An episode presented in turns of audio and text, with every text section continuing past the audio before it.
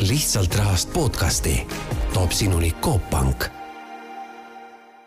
tere kuulama Lihtsalt rahast podcasti, minu nimi on Hando Sinisalu ja minuga koos on stuudios Coop Panga erakliendi kinnisvara finantseerimise ärisuuna juht äh, Karin Ossipova, tere Karin!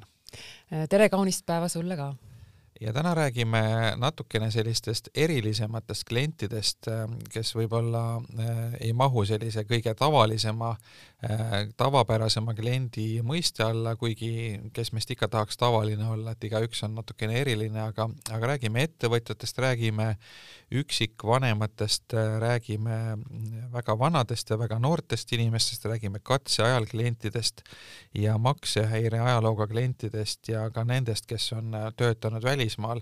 nii et kõik need, kes on äh, sellised äh, natukenegi erijuhtumid, aga võib-olla viimasel ajal kõige rohkem kirgi kütnud teema meedias on äh, üksikud naised ehk et, äh, et väidetavalt siis on äh, mingid pangad või mingid laenuhaldurid soovitanud üksikul naisel endale mees leida ja siis tulla laenu küsima, et see on meeletu sellise tormi ja, ja debati põhjustanud, et kuidas siis Coop pangas üksikute naisterahvaste kui laenuklientidega lugu on? tõepoolest, see on tormi põhjustanud ajakirjanduses viimasel ajal tõesti ja rääkides üksikutest naisterahvastest, siis äh, eriti kui veel naisterahval juhtub olema laps, äh, eks ole, siis või mitu last, või mitu last, hoidku jumal selle eest, et äh, siis justkui pangad vaatavad sellise koosluse peale veel eriti kriitilise pilguga. noh, päris aus vastus on see, et kui nagu riski seisukoha pealt analüüsida sellist olukorda, siis loomulikult iga üksiku isiku risk laenu võttes on äh, suurem, kui seda teha kahekesi või kolmekesi või isegi neljakesi. igal juhul on, sest kui sinuga midagi juhtub, siis on küsimus, äh, mis edasi saab. Äh, kas sa oled kindlustatud, kas sinu elu on kindlustatud, töövõime kindlustatud, mismoodi see laen tasutud saab või me tõesti peame minema müüma tagatiseks panditud vara seda ju ei taha pank mingil juhul, mitte ükski pank ei soovi. kuid äh, ma ei räägiks siin, et üksik naisterahvas, äh, vaid äh, tõepoolest üksik äh, persoon kui selline, on ta mees või naine, noor või vana, vahet ei ole. et eelkõige ikkagi vaadatakse maksevõimet äh, ja äh, ma Coop Panga näitel võin küll väita, et et äh, pigem on küsimus selles, kas see üksik inimene saab nii palju laenu, kui tema soovib või on pank talle valmis andma natukene vähem, mitte et me ei anna üldse laenu. pigem on nagu küsimus selle ümber ja mulle tundub, et võib-olla neid äh, kirgi siin nüüd äh, üles köetud üksikute naisterahvaste mm, teemal ega me tegelikult päris tausta ka ju lõpuni ei tea, võib-olla oli seal mingeid muid põhjuseid, miks seda laenu ei saadud. Ja noh, e, ma muidugi ei, ma ei kiida heaks, kui tõepoolest mõni laenuhaldur ütleski, et kuulge, et minge nüüd ja otsige endale uus mees ja siis tulge laenu saama, et noh, see ei ole mingisugune argument. aga loogika on ikkagi selles, et, et kahekesi on odavam ju või soodsam kinnisvara omada kui üksi, sellepärast et siis need kulud jagunevad kahe peale ära ja samuti ka tulud on tegelikult siiski kaks korda suuremad kui ühe inimeselise leibkonna puhul. Et siin ei mängi üldse rolli, kas tegemist on naisterahvaga või meesterahvaga või või, või, või, või vanuse või millegi muuga, vaid see on nagu, nagu puhas loogika lihtsalt, et kahekesi on soodsam kui üksi. just, just seesama reegel, et äh, sinu finantskohustused kuus ei saa ületada noh, niimoodi rusikareegel on nelikümmend protsenti, äh, neljakümmet protsenti sinu kuu sissetulekutest. see kehtib nii summeerituna kahe taotleja puhul või üksikult võttes sinu puhul. ja kui sa tuled tõesti üksikult laenu võtma, siis lihtsalt see summa, mida sa võid kulutada laenumakseteks, on väiksem, see tähendab, et ka laenusumma on väiksem. Kui nüüd riskidest rääkida, siis äh, laenukindlustus, et mida see, mis riske see katab, et, äh, et noh, siin üldjuhul või laias laastus ma kujutan ette kahte sorti riske, et ühed on seotud tervisega ja teised on seotud äh, töökoha kaotusega et äh, mida siin kindlustada annab? nii annab nüüd kui teist, see annab kindlustada surma, annab kindlustada ajutist töövõimetust, pikaajalist töövõime kaotust, nii osalist kui täielikku ja, ja kindlustada annab ka mm, töökaotust, sellest viimane nüüd on kõige kallim muidugi, nii et levinumad on ikkagi täpselt surm ja töövõimetus või töövõime kaotus. aga kui nendest riskidest rääkida, et oletame, et ma olen endale, praegu on hea töökoht, hea sissetulek, olen endale suhteliselt kalli eluaseme soetanud ja nüüd olud muutuvad ja, ja ma kaotan selle töö ja olen, olen sunnitud vastu võtma väiksema palgaga töökoha et noh, palga, see, see probleem tekib siis selles, et, et see laenumakse võib minu jaoks osutuda liiga suureks, aga iseenesest ei ole ju selles midagi traagilist, et, et pank on ju oma riski ka sellega maandanud, et ta on andnud ainult teatud osale selle kinnisvara väärtusest laenu, teiseks vähemalt viimase ajani kinnisvara hinnad on ikkagi pigem kasvanud nii et noh, tegelikult see korter või maja oleks võimalik maha müüa, äh, pank saab oma raha tagasi ja mina saan endale siis soodsama eluaseme võtta, et mis, mis riskidest me siin üldse räägime? no kõik see ei pruugi ju nii minna, nagu sa praegu äh, kirjeldasid. esiteks äh, võib-olla oled sa kõrge palga pealt ostnud endale päris kalli korteri ja päris suure laenu võtnud nii, aga ja pank kui... saab ju selle maha müüa, sest ta ei ole mulle selle korteri sajaprotsendise väärtuse peale, vaid juba sellise arvestusega, et, et ta saab ikkagi oma raha tagasi, kui see tagatis realiseerida tuleb. ja, ja, ja muidugi, aga me räägimegi olukorrast, kus ma olengi andnud ju sulle, kus pank on andnud sulle laenu sinu olemasoleva maksevõime mas-, vastu.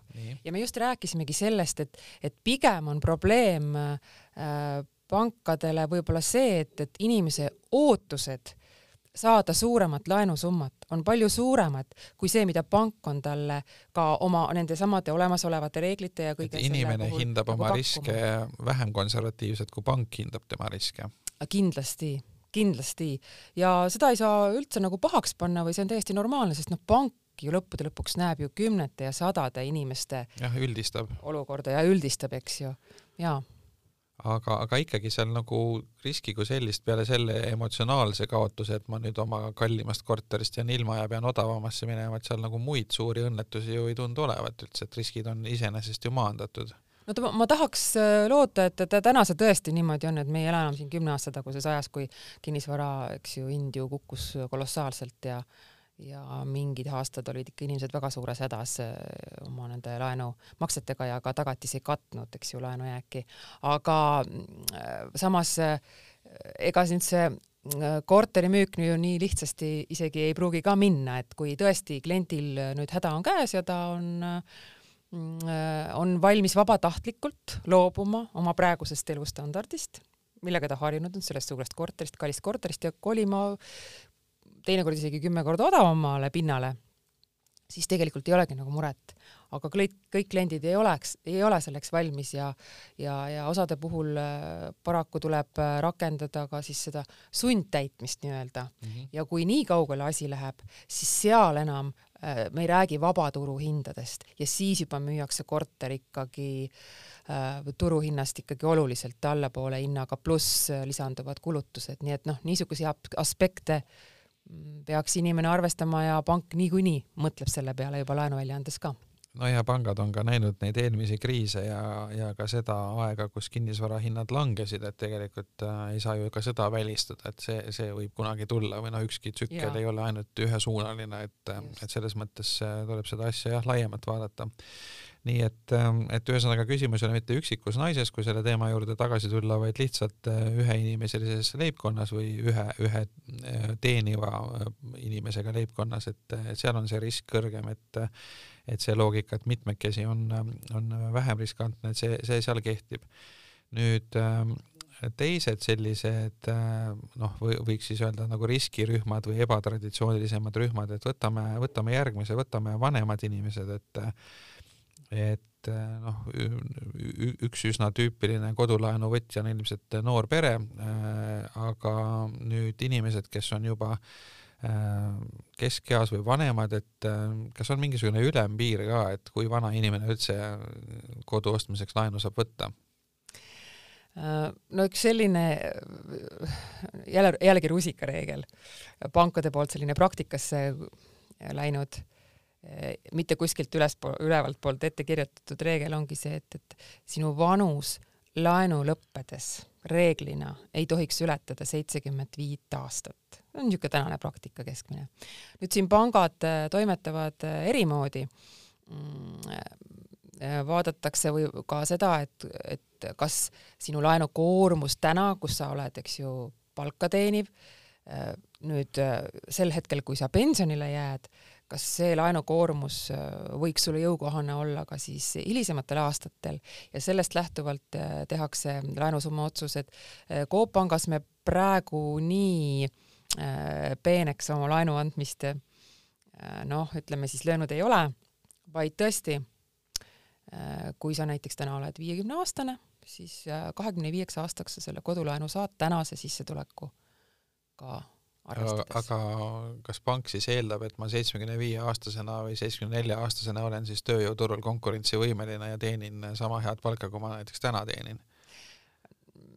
pank arvab, et äh, esiteks tõuseb võib-olla kinnisvara hind ja sa võib-olla tahad äh, kahekümne viie aasta pärast natuke teistsugusel pinnal näiteks elada.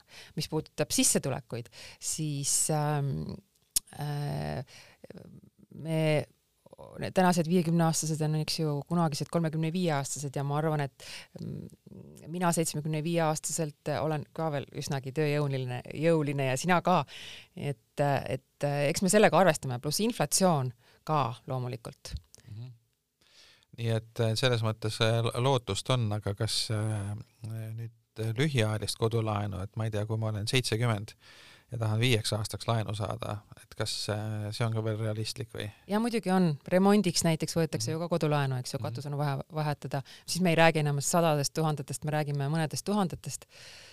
ja jällegi äh, ikkagi tolle hetke või ütleme, et siis praeguse hetke sissetulek on see, mis on analüüsi aluseks mm -hmm. ja sealt tuleb siis ka see laenusumma maksimum, mis me anda saame nii, siis äh, veel sellised äh, mitte kõige traditsioonilisemad klienditüübid, et äh, päris paljud inimesed on töötanud välismaal ja noh, nende inimeste suust, kes välismaalt naasevad, kuuleb suhteliselt palju kriitikat, et küll küll ei tunnistata nende diplomeid, kõrgkoolide omi ja, ja küll on nende lastel raske koolis kohaneda ja nii edasi, et kuidas nüüd selle äh, selle palgaga on, et kui ma olen töötanud välismaal, mul on äh, näiteks palk laekunud mingisse välismaa panka ja ma nüüd kolin Eestisse, et ähm, kuidas see pank minu ajalugu siis äh, tuvastab?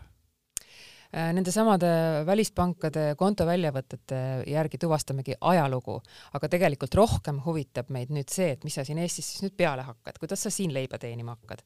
vaatame, kes sa oled, mis ametit sa pead, millised äh, sissetulekud äh, on nagu potentsiaalselt siis siin Eestis sellele ametile, et noh, tõesti, kui sa, kui sa nüüd tõesti tuled, vot eile tulid välismaalt ja nüüd ostad, tahad täna korteri osta, aga veel tööd ei ole endale siin leidnud, eh, siis äh, me soovitame ikkagi teada, et otsi ikkagi see töökoht nüüd esialgu. Eh, võimalik, et sul on suured puhvrid kogutud sellega saame ka arvestada. aga, aga vastutustundlik laenamine ja need reeglid, millest me siin podcastis ka päris palju rääkinud oleme, need reeglid äh, ikkagi ütlevad, et äh, kliendil peab olema regulaarne sissetulek. see tähendab seda, et, et mul peaks olema siis äh, Eestisse tagasi tulles see töökoht, aga nüüd olgu sõltumata sellest, kas ma tulen välismaalt või, või, või vahetan kodumaal töökohta, et kui ma nüüd olen uue töökoha saanud, et kui kaua ma peaksin sellel töökohal töötanud olema, et et äh, ma panga silmis juba muutuksin siis stabiilsemaks, äh, usaldusväärsemaks, et noh, katseaeg on meil vist neli kuud, et sealt edasi ka, et olud siin muutuvad kiiresti praegu, et, et kui pikk see tööstaaž peaks olema ühel kohal, et see panga silmis juba usaldusväärne oleks? jah, no väga tüüpiline on tõesti, et see katseaeg peab olema läbitud, aga see pole reegel, see pole kindlasti reegel. ja, ja, ja vägagi sõltub just sinu ametist. kui nõutud see Eestis on, pole üldse äh, haruldane, et esiteks katseaegu ei rakendata teatud ametite puhul äh, või teine asi, et äh, ka Coop Pank äh, me krediteerime või anname laenu ka inimesele, kes on katseajal aga see ametikoha siis turu, turuväärtus või, või selle nii-öelda turukõlbulikkus, et kuidas te seda vaatate, et ma mäletan ühest varasemast podcast'ist, kus sa ütlesid seda, et IT-spetsialistidel on lihtsam kui võib-olla kunstiajaloolastel, et, et millised need sellised soositumad ametid on ja siis millised need mittesoositumad on, et, et kui vaadata just nagu laenukõlbulikkuse seisukohast mm? -hmm tead, ma isegi ei läheneks äh, niipidi sellele küsimusele, ma vastaks sulle nõnda, et äh, et siin on nagu kahe otsaga asi. Äh, kui sa tahad suurt laenu saada, eks ju, siis äh, siis äh, IT-spetsialistid on kindlasti just täpselt see seltskond, kelle puhul äh, noh, saame silma kinni pigistada igasuguste katseajade, aegade ja, muude asjadega, aga aga näiteks äh, keerulisem on ehitajatega, kes võib-olla teenivad siin Soomes-Rootsis, äh, Norras töötades äh, võib-olla kaks-kolm korda rohkem palka, sissetulekut, kui nad seda võima-, saaksid Eestis lubada endale ja või, või kui Eestis ollakse nõus maksma, ütleme siis niipidi. ja, ja tegelikult siin nüüd tulebki mängu seesama laenusumma, et tegelikult ju inimene, kellel on sissetulek, ta on laenu, laenukõlbulik küsimus on, kui suurt summat sa anda saad, et, et tõenäoliselt ma ei oleks valmis ehitajale andma selle kolmetuhandese või neljantuhandese palga vastu ähm, nii suurt laenu, mida siis tema palk praegu ära teenindab, vaid ma ikkagi mõtlen äh, pangana, et aga mis siis, kui ta tuleb Eestisse, mis on siin see potentsiaalne palk, palju ta suudaks teenindada äh,, milline palk peaks olema, et suut-, et suuta teenindada seda laenu, mida ta tahab, et ma siis pakun talle tõenäoliselt väiksemat summat lihtsalt. et, et kui ma olen täna Soomes ehitaja, teenin teenin näiteks kolm-neli tuhat, äh, tahan osta Eestisse korterit, äh, siis äh, noh, ilmselt see vihjab sellele, et ma tahan ka võib-olla Eestisse tagasi tulla, aga nüüd on küsimus selles, et kui palju ma Eestis teeniksin samal ametikohal, et ilmselt oluliselt vähem, et siis ja. muutub see oluliseks. muutub oluliseks, just, siis sissetuleku asendatavus on võib-olla hea. aga noh, IT-spetsialistide palgad on suhteliselt võrdsed igal pool, eks ole, ei ole. nii piiriülesed, et ja, ja järjest rohkem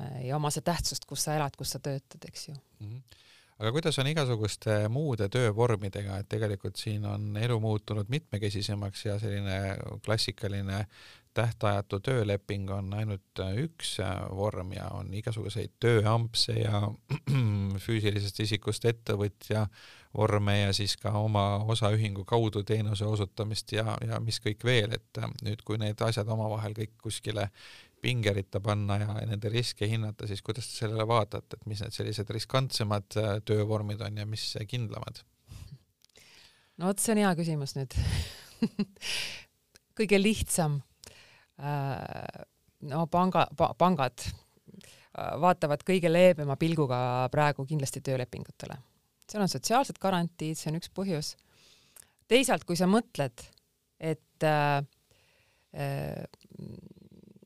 räägime siis näiteks ettevõtjatest, eks, kes on iseendale tööandjad või ka näiteks töövõtulepingutega või, või, või käsunduslepingutega teevad tööd.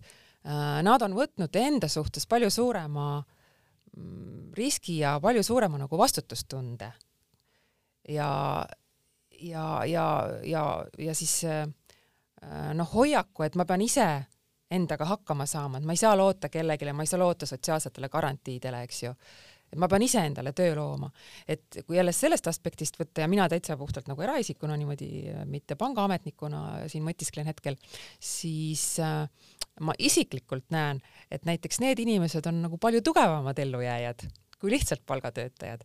aga noh, pankadel on kindlasti lihtsam toimetada töölepinguga aga hästi populaarne on praegu teha neid tööampse, noh kasvõi, kasvõi Uberi või, või Woldi või Boldi äh, kullerid ja taksojuhid, et äh, nad võivad ju, kui nad palju tööd teevad, teenida siin vähemalt äh, see, selle info põhjal, mida nende ettevõtete juhid ütlevad siin äh, suurusjärgus kaks tuhat äh, eurot neto kuus oma nende tööampsudega kokku raha, mis võiks juba olla täitsa arvestatav summa, eriti kui nad siis mitmekesi leibkonna moodustavad, aga nüüd samas see on hästi ebakindel sissetulek, et kuidas te sellele vaatate?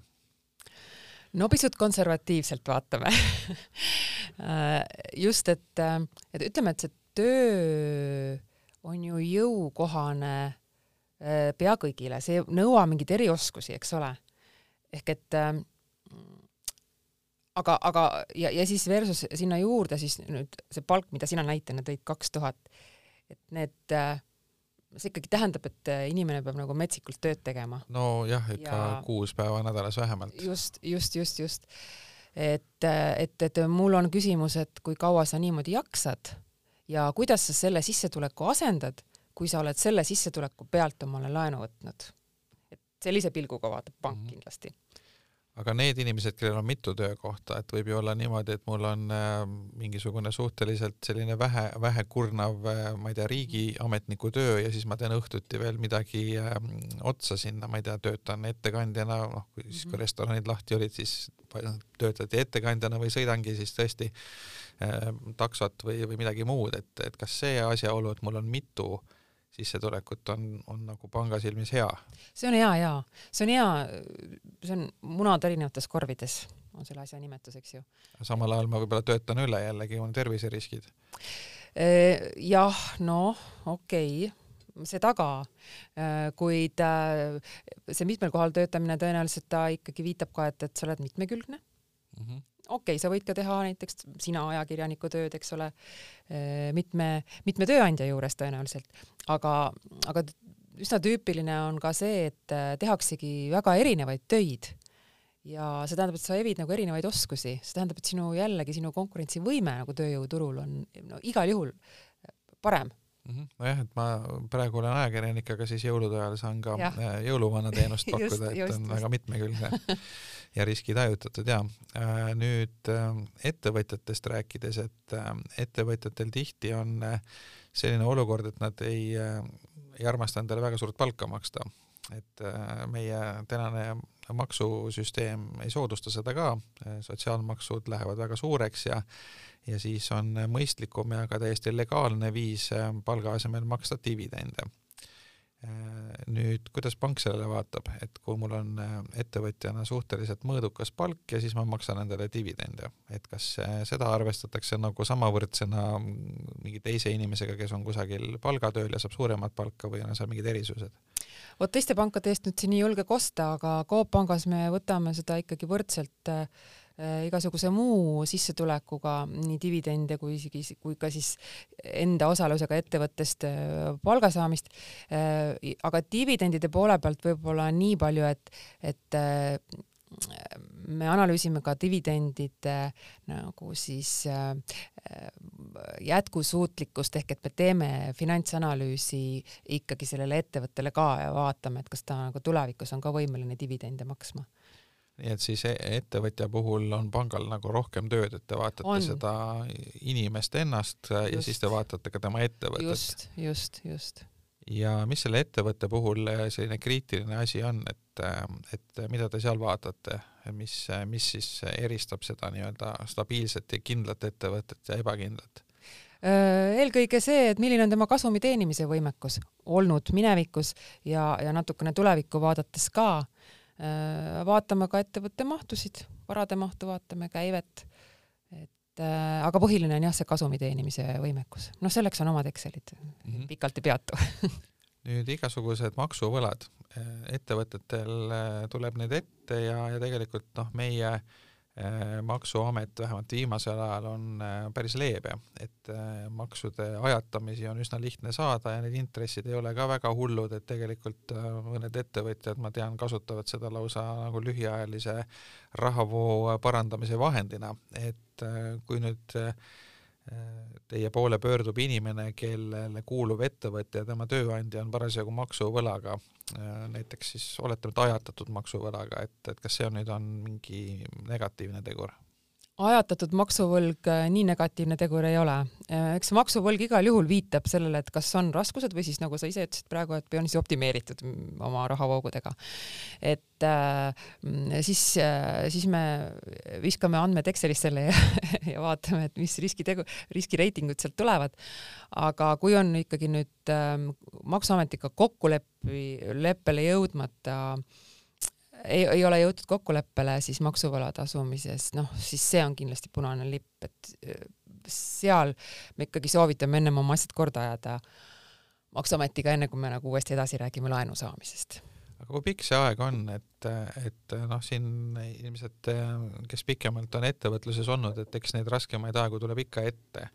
et kui, kui pikk see mälu on, et kui kaugele tagasi te vaatate ja kui palju, kui pikk see periood peab olema, kui nii-öelda kõik asjad korras peaks olema, et tasuks panka pöörduda mm. -hmm. kas me räägime praegu ettevõtte ajaloost või me räägime eraisiku? no räägime praegu ettevõttest, aga jõuame kohe eraisiku juurde mm -hmm. ka äh, ettevõtte puhul ähm, liiga kaugele ei, ei lähe isegi viimased paar aastat ja, ja jooksev aasta on juba piisav informatsioon äh, finantsandmetele otsa vaadata ja, ja noh, ettevõtetel kuidagi äh, see elutsükkel või toimimistsükkel on ka võib-olla lühem, et, et seal ei olegi mõtet liiga kaugele vaadata, eks ju. et äh, pidevalt on ju vaja oma, oma tegevusi muuta, oma fookusi muuta, investeeringuid teha ja, ja ähm, noh, ka seda finantsseisu ju kõik need aspektid äh, võivad mõjutada, et, et võib-olla sul see finants ei paistagi kohe mustvalgelt nii kaunis välja, aga seal on ometi objektiivsed põhjused. noh, maksuvõla, maksuvõlaga ja maksehäiretega muidugi on ikkagi nagu tõsiselt vaja tööd teha ja uurida sisu, et miks tekkinud, kuidas lahendati, kui kiiresti lahendati ja nagu aru saada sellest, et et kas, kas see olukord võib korduda ja aru saada sellest, et kui see näiteks kordub, et mis tüüpi ettevõtjaga või inimesega on, et kas ta noh, lükkab endast eemale, kõik ütleb, ah, pole minu asi ja laseb nina norgu ja, ja on pankrotihaldur kallal või ta ikkagi pingutab ja on pingutanud selle nimel, et olukorrast välja tulla, et noh, sellised ettevõtjad on panga silmis kindlasti väga-väga suures äh, plussis. kas pankroti läbitegemine, kuidas sellesse suhtuda? kui nüüd ettevõtja on äh, teinud pankroti läbi, kuidas te tema, teda vaatate? Ettevõtte omanik, kelle ettevõte on käinud pankrotis. just. Ehm, no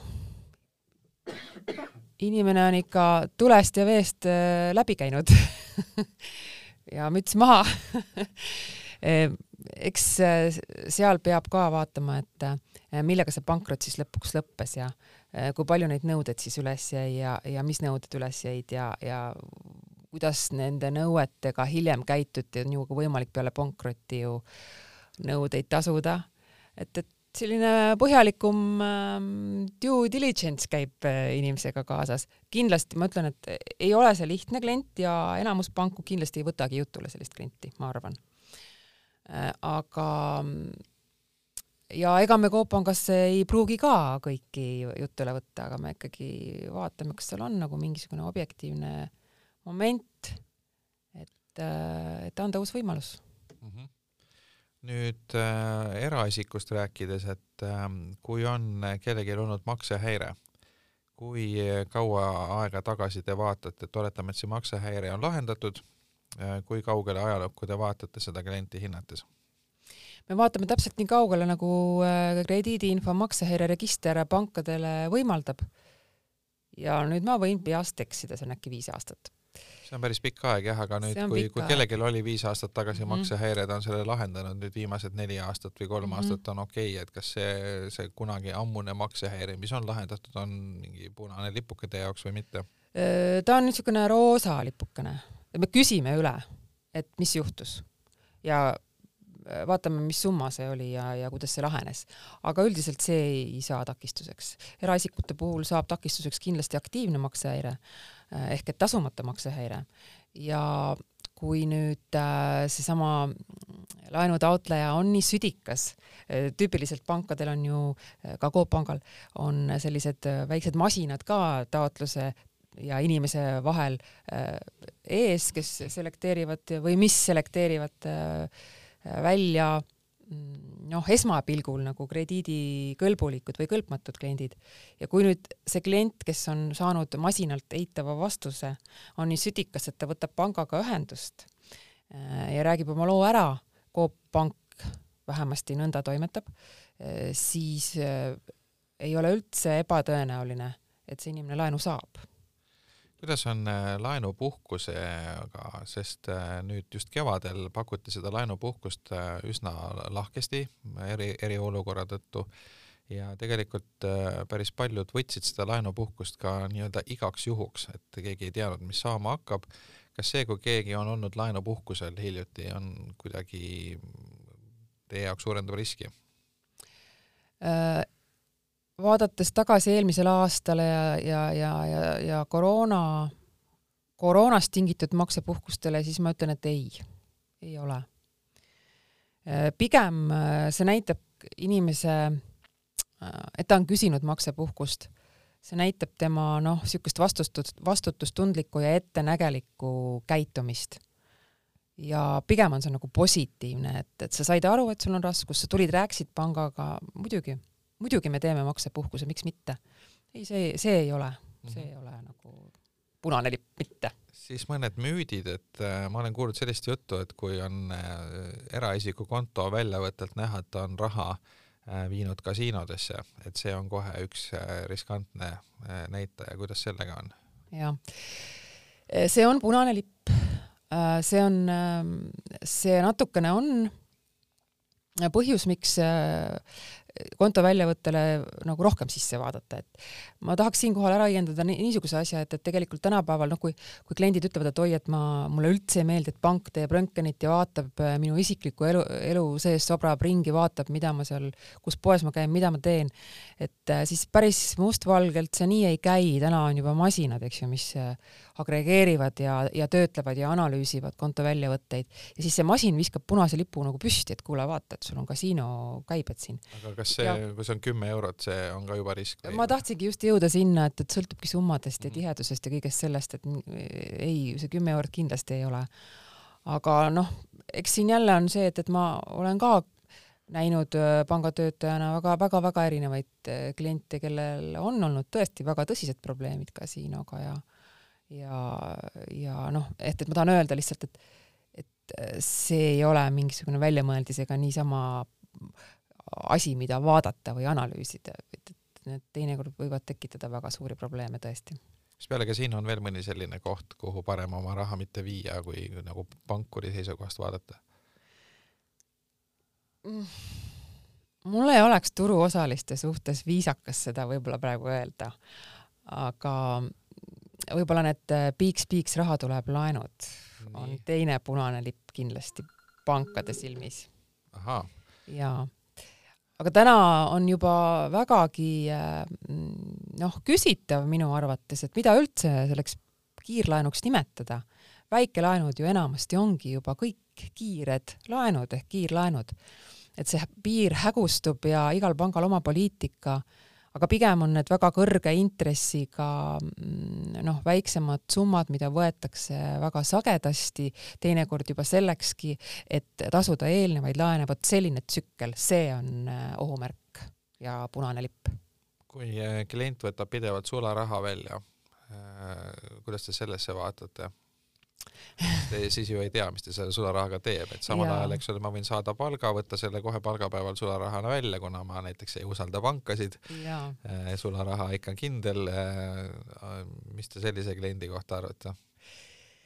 noh, minu asemel peaksin tooli peal võib-olla seda teemat kommenteerima hoopiski AML-i inimesed ehk siis äh, rahapesuga tegelevad inimesed, et äh, sularaha väljavõtmine ja ainult sularahaga opereerimine on kindlasti üks äh, selliseid riskitegureid just AML-i aspektist.